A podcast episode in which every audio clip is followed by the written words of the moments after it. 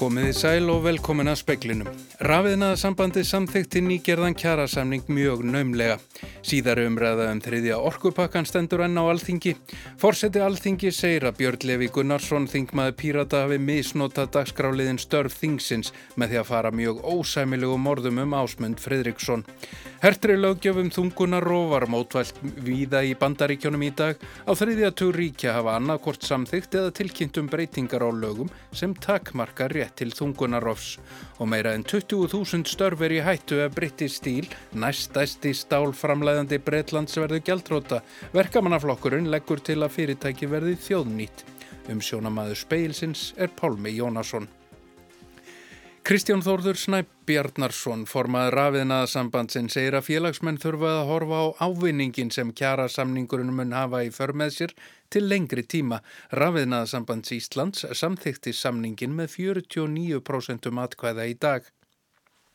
Niðurstöður atkvæðagreislam kjarasamninga hjá fimm fjölum í samflóti yðnaða mannafélagana í viðra við samtök atunlífsins líka fyrir en atkvæðagreislu lauk á hátegi í dag. Hjá rafiðnaði sambandi Íslands var samningurinn samþjóttir með 49% matkvæða, 47,6% voru á móti, þá þeim mjótt á mununum eða 1,4%. Við sjáum það náttúrulega að annars vegar að launahækkunir í samningunum eru uh, til til að er mjög hófstiltar og uh, það er eitthvað sem að menn eru klálega að horfa í en ég held að menn að það fyrir líka að horfa á umhverfið í kringum okkur að, að hvaða hérna, getur, hver ávinningunum getur orðið ef að, að vakstallið lækkar hér landi og þá getur ávinningun ánum tölvöru fyrir hópin. En síðan eru auðvitað atriði sem að, þarna, sem að menn kannski hafa ekki eins mikla trú á að raungirist, varandi stýttingu á vinnutíma en, en ég tel að hérna, okkur muni takast á þessu ári sem framöndan er þar til að mestar breytingar verði að, að vinna með þetta, með mönnum. Kristján segir að hann hafi gert sér grein fyrir því að varu skiptar skonur um samningin en nú takir við að fá sem mest út úr honum. Já við munum náttúrulega hérna, bara að reyna hvað við getum til þess að aðstofa menn við að hérna, vinna úr því sem hægt er að sækja þessum samningum og sóknarfærin eru náttúrulega þó nokkur í þessu. Sagði Kristján Þórður Snæbjarnason, Yngvar Þór Björnsson tók saman. Síðar umræðum þriðja orkupakkan stendur enn á alþingi en henni var framhaldið um tvö leitið í dag. Þingfundur stóð til klukkan 18 mínútur í 6 í morgun. Sem fyrir eru það þingmenn með flokksinn sem fyrst og fremst taka þátt í umræðinu og fara í ansvör hver við annan en er því ekki ljóst hvenar atkvæða greiðslaðum orkupakkan fer fram. Sigmundur Davíð Gunnlaugsson hefur nýloki ræðu sinni og bóðaði næstu ræðu við upp af hennar. Aðeins þingmenn miðflokksins eru á mælendaskrá og ljósta þingfundum en standa í allkvöld og jafnvel fram á nótt en hefur ekkert verið ákveðum hvenar atkvæðagreðsla geti farið fram. Stengrimur Jóð Sigfússon fórseti alþingi segir að Björn Levi Gunnarsson þingmaði Pírata hafi misnotað dagskráliðin störf þingsins með því að fara mjög ósæmilegum orðum um ásmund Fredriksson og sé það ekki við hæfi. Björn Levi Gunnarsson tók til málsundir liðnum störfþingsis og gerða umtalsefni álit síðanemdar um að Þórhildusuna Ævarstóttir hafi gerst segum brot á síðaregnum þingmanna með orðum um ásmund Fredriksson í Silfrinu og aksturskareðslur hans. Hann sjálfur hafi sagt nánasta sama en síðanemd ekki skilið hann rétt. Þess vegna endur tók hann orð sín í ljósi þess að ásmundur hafi játað að fá endurgreðslur. Nú voru aukstundur grunur um það að ásmundur Fredriksson hafi dreyðað sér fjö, almanna fjö og við erum ekki að sjá viðbrögð þess efnis að það sé verið að setja fót rannsókn í þeim efnum. Ég segi þessi orð með fullri vitnesku um að þau hefur verið dæmt sem brot gagvann siðareglum þingmanna. Ef við getum gerst brotleg við siðareglur fyrir að segja satt, Fórseti telur að þessa nótkun dagskráliðanas ekki við hæfi sagði Björn Levi Gunnarsson og nú síðast heyrðist í Stengri Mjóð Sigfússoni fórsætti alþingis. Þá fór í ræðistól flokksbróðir Björns Levi Helgi Hrapp Gunnarsson og spurði hvað Stengrimur ætti við. Stengrimur sagði dagskrárliðin meðan annars notaðan til að þingmaður geti átt orðastað við annan þingmann. En þá eru það mannasiðir að láta viðkomandi þingmann vita og þá er hann settur á mælandaskrá næstur á eftir þeim sem á orðastað við hann. Þetta gerði háttutu þingma Björn Levi Gunnarsson ekki. Hann notaði dagskráliðin störf þingsins til þess að fara mjög ósæmilegum orðum um annan háttvistan þingmann. sagði Stengrimur Jóð Sigfús og Jóhanna Viti Sjáltadóttir tók saman. Hertri lögjöfum þungunarofar mótmælt viða í bandaríkjónum í dag á þriðjatug ríkja hafa annarkort samþygt eða tilkynnt um breytingar á lögum sem takmarka rétt til þungunarofs. Áttaríki bandaríkjana hafa þegar á þessu ári samþygt lög sem takmarka rétt kvenna til þungunarofs. Þetta eru Alabama, Georgia, Kentucky, Mississippi, Ohio, Missouri, Arkansas og Utah. Ráðamenn í fleiri ríkjum hafa tilkynnt að stemt verði að samskonar lagabreitingum, meðal annars í Texas og New York. En þótt hvert ríki geti sett lögum hvernig þungunarofi skuli hátað er rétturinn til þungunarofs en stjórnarskrár varinn. Árið 1973 komst hæstiréttur bandaríkjana að þeirri niðurstöðu að lög sem bönnuðu þungunarof stæðist ekki stjórnarskrá. Í síðustu viku var samþygt nánast algjört bann við þungunarofi í Alabama. Samkvæmt nýju lögunum þar verður þungunarof bannað á öllum stegum meðgöngu nema líf móður sé í hættu. Þá eiga læknar sem rjúfa þungun yfir höfðu sér lífstíðar fangelsi, samkvæmt lögunum. Fylgjendur hertra laga um þungunarof higgjast láta á það reyna hvort hæstiréttur snúi dóminum frá 1973 við er það talið líklegra nú en áður þar sem domstólinn sé íhaldsamari eftir að Donald Trump, bandaríkafórsiti, skipaði tvo nýja dómara. Ólur Ragnarstóttir sæði frá. Eftirlitsnemnd Európuráðsins með pyntingum er nú stött á Íslandi í fyrsta sinn í sjú ár. Hún hefur þegar heimsótt litlarraun og fundað með fengum. Hlutverk nefndarinnar er að hafa eftirlit með pyntingum og annar í vanvirðandi meðferð frelsissviftra. Afstafa, félag fanga, greinir frá því á Facebook síðu sinni að það hafi fyrir helgi átt fund með nefndinni og að fyrsta spurning nefndarmanna hafi verið hvers vegna fangelsismálastjóri hafi brosað þegar spurt var um hlutverk afstöðu. Fulltrúar nefndarinnar geta heimsótt alla staði þar sem fólk er á einhvern hátt svift frelsi sínu. Það geta til dæmis verið fangelsi, meðferðarstopnanir, geðdeildir og aðstafa fyrir hælisleitendur. Heimsóknir nefndarinnar taka jafnan eina til tvær vikur og yfirleitt eru fimm eða sex nefndarmenn með í för, auk starfsmanna. Nefndin mætir oftast fyrirvara lítið á stopnarnirnar og hefur viðtakar heimildir til að skoða aðstæður og spyrja spurninga. Nefndarmenn funda með ráðhörum í lokferðar en tjá sig ekki opinberlega nema í formi stutrar frettatilkynningar nokkrum dögum eða vikum eftir ferðina. Skýrsluðum heimsóknina verður svo skilað að nokkrum mánuðum liðnum. Stígur Helgarsson sæði frá. Nýrforseti Úkrænu gaf í dag út tilskipunum að rjúfa þing og efna til þingkostninga 21. júli. Hann tilkynnti þessa fyrirætlun sína í innsetningaræðu í kænugarði í ger að óbreyttu hefði ekki átt að kjósa til þings í landinu fyrir nýju oktober. Forsetin hefur einnig farið fram á að yfirmaður úkrænsku leinithjónustunnar, ríkisaksóknari og varnamálar á þeirra verði settir af. Forsetisráð þeirra greindi frá því í gera annallað að segja af sér í dag. Það ræðst að líkindum í dag hvort British Steel næstæsta stálframlegslu fyrirtæki Bretlands verður tekið til gjaldtróta skipta. Fyrirtækið hefur farið fram á ríkisaðstóð til að takast á við vandamál sem fylgja brottkvarfi Bretlands úr Evrópussambandinu. Verkamannaflokkurinn leggur til að það verði þjóðnýtt. Forsvarsmenn British Steel hafa sagst þurfað að fá 75 miljónir sterlinspunda um 12 miljardar króna til að takast á við aðstæðjandi rekstrarvanda sem meðal annars er tilkomin vegna Brexit. Ella þarf fyrirtækið að lýsa yfir gjaldþróti. Við það missa 5.000 starfsmenn vinnuna. Þegar tillit er tekið til afleitra starfa vegna rekstrarins eru um eða yfir 20.000 starfi hættu að mati stjórnendana. Bresk stjórnvöld hafa líst því yfir að þau ætli að reyna hvað þau geta til að koma stáliðinaðinum til aðstóðar. Í síðasta mánuðu þurfti fyrirtækið að fá 100 miljónir punta að láni úr breska ríkiskassanum til að greiða Evrópusambandinu mengunar skatt. Jeremy Corbyn, leiðtói verkamannarflokksins, lagði til í dag að British Steel er því þjóðnýtt. Þannig er þið framtíð bresks stál yðnaðar best treyð ásand því að þá ættu þúsundir starfsmanna ekki lengur yfir höfðið sér að missa vinnuna. Náist ekki lending í málinu er útlitt fyrir að British Steel lýsi yfir gjaldþrótti innan tveggja sólaringa.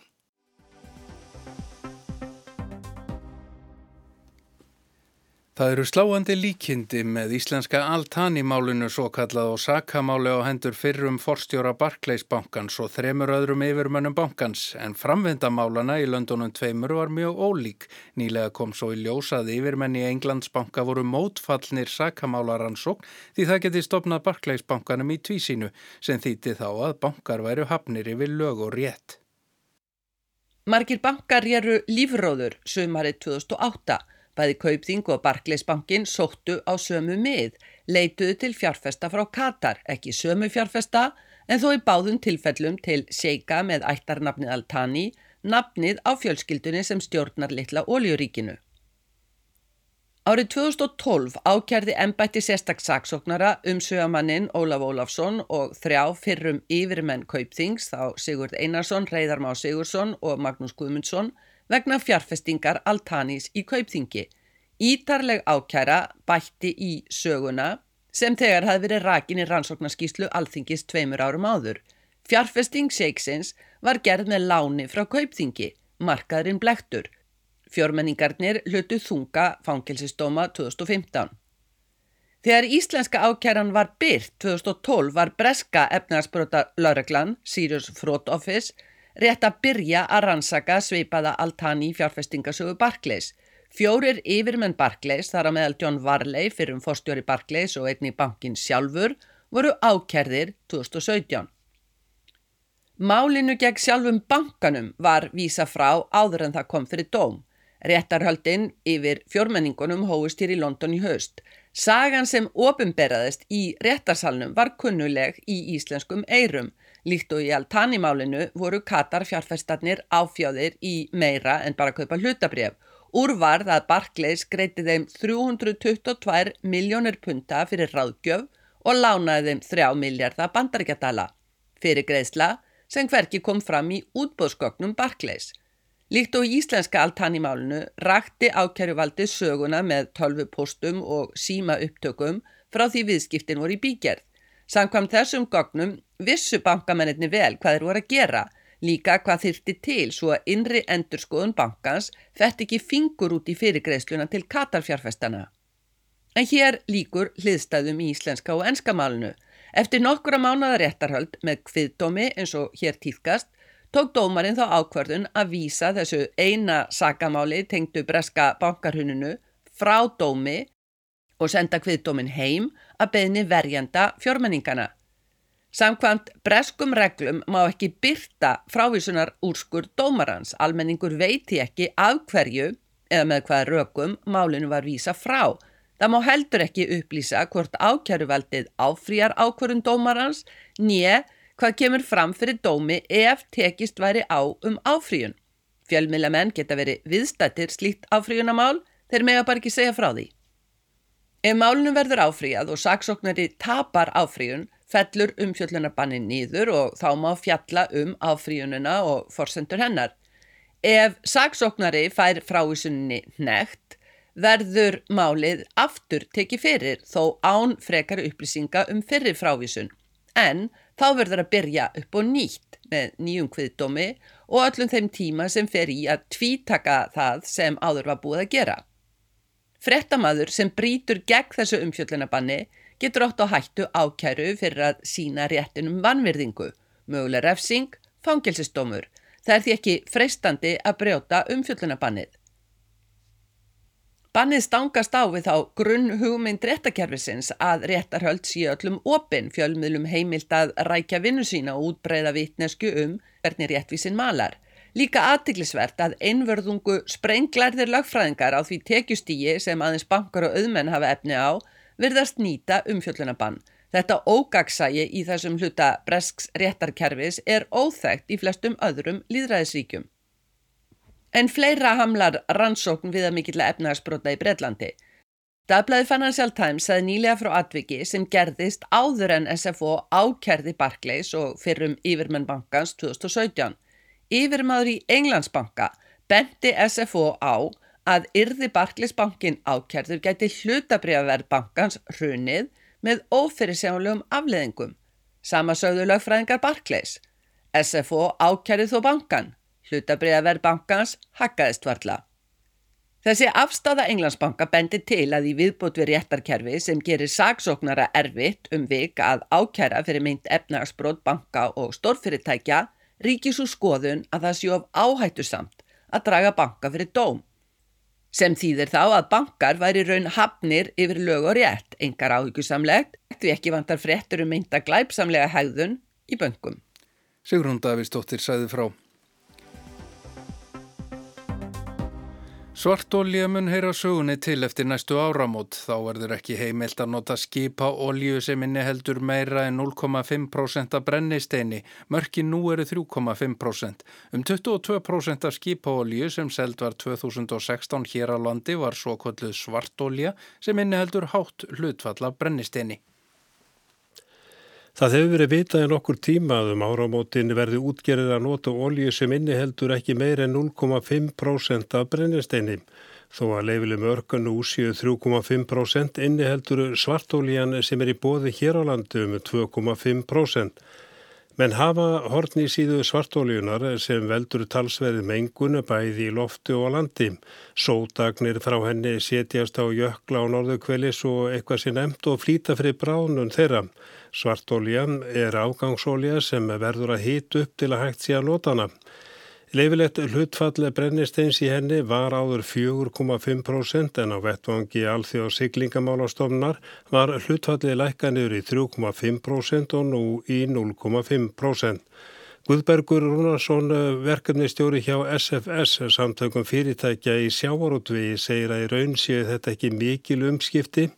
Nokkur skipi í fiskveðiflótanum en noti svartólju þá er það bara spurning um það hvort að oljubyrkjarnir hérna, geti afhengt olju sem, sem uppfyllir þessi gildi 0,5% að hámarki að brennisteini í elsniti. Það er bara spurningin, spurningin um það hvort, hvort oljufjörðan geta afhengt það, það elsniti. Hann segir að um tíu stórir tógarar hér á landi noti svartólju í svari bæði frá ymskip og samskipum eða kemur fram að skipin þeirra noti bæði gasólju sem inni heldur ekki meiri 0,10% af brennisteini og líka svartólju. Það geta skipti verið í díselólju þar sem þessir krafist til dæmis bæði eistrasaltu og í norðursjónum eða á svo kallum egasvæðum þar sem bannað er að nota svartóljum. Tógararnir geta líka skipta á milli og ljósavélar og slíkt er knúið með dísilolju með látti brennisteins innihald. Megin ástæðan fyrir því að svartóljan verður fyrir valunum er svo að dísiloljan er dýrari en svartólja. Það þýðir náttúrulega það að, menn eru bara, eða útgerðunar eru að hugsa um að gera sem hagstæðustu innkaup á elsniti en fylgja í einu öllu reglugerðum um nótkunn á elsniti. Þannig að það að skipti við í dísel eða skipa gasólju mun hafa kostnarauk í förmið sér. Í það má alveg rekna með því að eh, eins og staðan hefur verið undanfærin ára að svartóljan sé um það byl 30% ódýrari heldur en dísulólja. Og nótkunnin hefur verið miða við eh, fjagra ára tímanbíl svona í kringum 15.000 tónn. Þessi 15 skipta kannski svo miklu máli í, í stóra samhengjunu því að flotin, fiskiskipaflotin, hann er að nota í kringum 135.000 tónn. Þannig að þetta er bara brot af notkunninni og uh, hugsanlega geta oljufjölum skaffa olju, já svartolju sem er, er með 0,5% mörgónum það hins vegar verður bara komið ljós og hvort að verði hagstætt að nota slíka ólíu. 2016 sildu 856 skip í íslensku efnarslöksugunni og sum þeirra marg sinnis. 56% þeirra notuðu eimað skipa elsniti og 26% einhvers konar svartólju. 46 farþegarskip notuðu svartólju og þar af 30 þingstu tegunduna. Speillinni hefur ekki upplýsingar um hvað skiptin yfir í 0,5% af oljumönum kosta skipafélagin, eimskip og samskip. Einhver hafa hreinsi útbúnað sem getur komið í stað þess að skiptum olju. Guðbergur segir að aukin eftirspurn eftir flugvjala elsneiti eða þótu elsneiti gæti haft áhrif á frambóð af skipa elsneiti sem uppfyllir nýju kröfurnar eftirspurn eftir þóttu elsniti hefur auki skrýðarlega á síðastlunum tveimur áratugum eða svo og uh, það veldur því að, að uh, einhvern veginn þarf að koma þarf að losna við uh, svartolju sem er, er ekki eimuð og uh, það skapar sjálfum sér vandamál.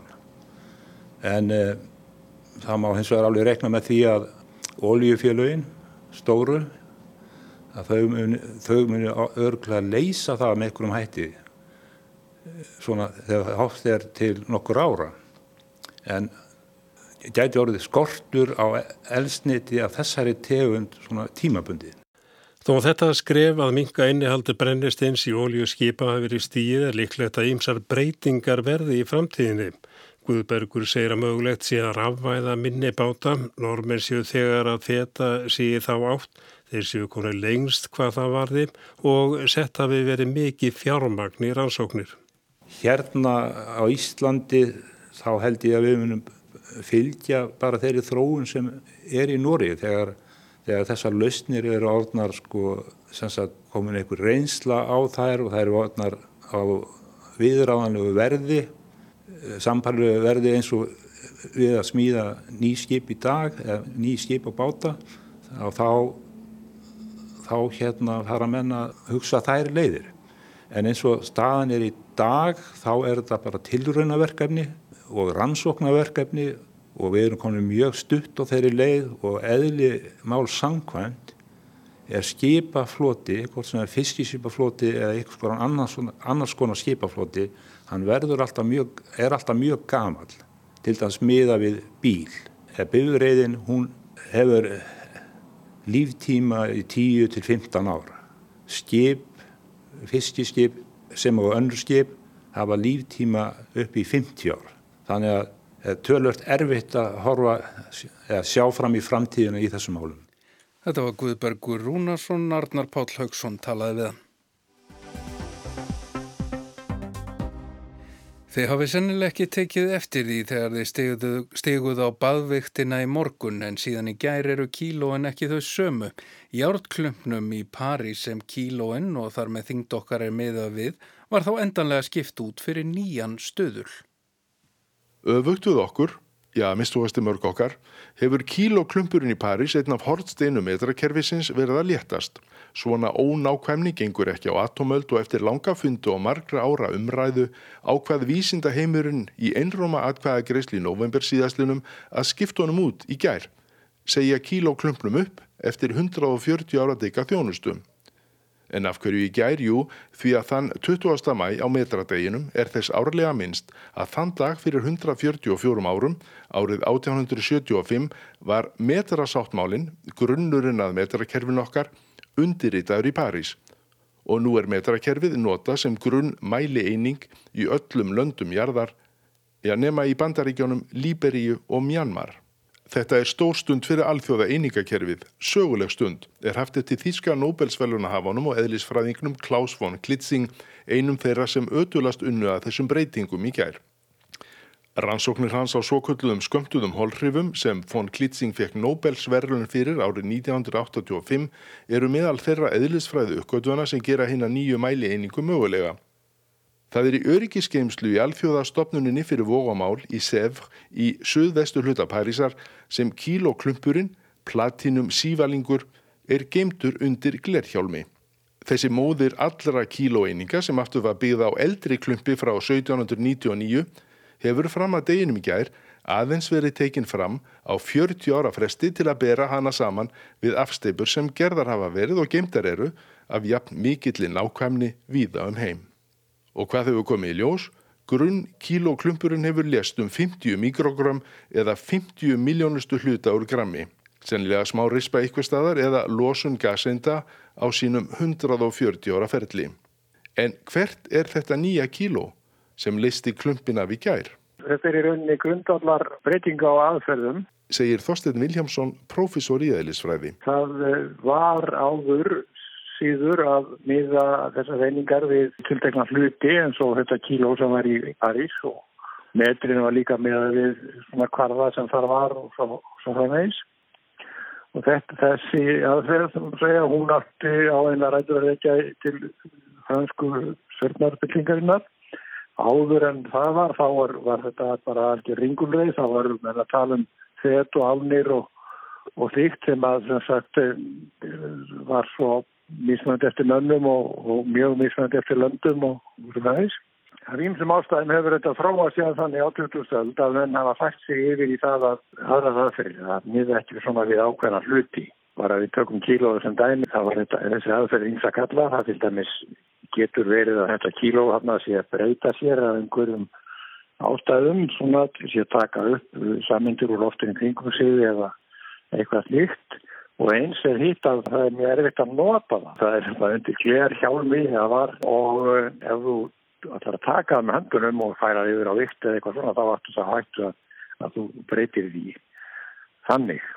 Af því það er gríðarlega mikið nákvæmni sem þarf og þessi þróun er náttúrulega öll í tengslum við þessa auknu nákvæmni sem þarf í einskonar tekni og Þannig að við getum bara tekið sem dæmi til dæmis GPS-tækin. Í þeim er, er nótuð alveg gríðarlega ákvæmi. Ef þú þekkir ekki almenn aðsæsing og notar hann ekki þá verður talsveða skekku í, í GPS-mæðingar. Aðferðin sem er sett í staðin er að miða þessar einingar að var við það náttúru fasta eða náttúru stöðla. Aðal skrefið í því að þessu sinni er það að þessi svo kallar plankstuðli eða plankfasti sem er er tekin inn í, inn í þetta og notaður til að, að stílgerna til dæmis kílóið og síðan áfram fleiri einingar. Það eru, það eru fleiri einingar sem koma þarna við sögu í þessum breytingum núna sem er verið að, breyta á sama hátt. Það er til dæmis amperið, einingin um rafströym og það er, það er einingin um efnismagn eða efnis fjölda sammenda sem er eitthvað mól og það er enginn kelvin sem er náttúrulega hýpa og, um, og núna er, er breytt með þessu og fært á miklu tröftari og, reyningu umbjörg getur sagt. Og eitt kosturinn við þetta líka sá að áður hefðum við þurft að fara til Parísar eða það sem þessi þetta stafan fíni er gent og, og bera sér saman við það. Núna geta menn gert tilöðinni sjálfur á, sínum eigin þarfanastofum til þess eða til dæmis vantar mjög eh, nákvæmna mæringu á, á kílónu þá geta það gert það sjálfur bara hvað sem er í heiminum. Þetta er ekki formúla myndi ég segja, þetta er bara fyrst og ennst aðferð Þetta var einlega fyrst gert með ljósaðan að í staðin fyrir að halda áfram að mæla ljósaðan með meir og meiri nákvæmni og fleiri og fleiri aukastöðum og, og síðan nota það til styrkjana til dæmis í tíman og annars líkt. Þá er núna ákveðið að nú setjum við bara ljósaðan á ákveðna fastatölu og styrkjunum síðan ja, til dæmis sekunduna út frá því og eins er þarna með kílóið að við festum að það fasta þá er sem sagt kílóið að það fastirtölu. Eftir digga þjónustu í 220 ár kvatti gamla kílóið okkur sem satt í gær. Gamla kílóið sem í grunninn eins og okkur í kent í skólum er byggt á einum lítra eða einum rúmdesimetra af vatni. En verður nýja viðmiðið, jafn langlíft í örum framförum vísindana. Þorstin Viljámsson, professor í eðlisfræði. Það er þá meira spurningum það hvort að þessar grunddólar kenningar sem við byggjum á, hana, eins og afstæðskengin og skamtafræðin og fleira, fleira slíkt, hvort að það, það er breytast. Ef að það er breytast, þá gæti þurft að, að, að laga þetta eitthvað til. En hvað með baráttu okkar við auka kílóin? Tekur hún á sér nýja mynd með þessum breytingum í gær? Maður þarf ekki það var áhugir að þessum kílógrammi sem að þurft í búið en, en það eru aðalega eðlisvæðingar sem þurfa og þetta skapar sagt, möguleika á en þá frekari framförum í vísendum sem þetta verður einfaldar að eiga við þetta saman og líka fá þess að miklu nákvæmni. Sagði Þorstein Vilhjálmsson, Jón Björgvinsson tók saman. En í speiklinu var þetta helst rafiðnaða sambandið samþekti nýgerðan kjara samning mjög naumlega. Síðari umræða um þriðja orkupakkan stendur enn á alþingi. Fórseti alþingi segir að Björn Levi Gunnarsson þingmaði Pírata hafi misnotað dagskráliðin störf þingsins með því að fara mjög ósæmilegum orðum um ásmund Fridriksson. Hertri lögjöfum þungunarof var mótmælt víða í bandaríkjunum í dag á þriðja tug ríkja hafa annarkort samþygt eða tilkynntum breytingar á lögum sem takmarka rétt til þungunarofs. En það er ekki fleira í speiklinum. Tæknimaður var Úlfhildur Eisteinsdóttir. Verði sæl.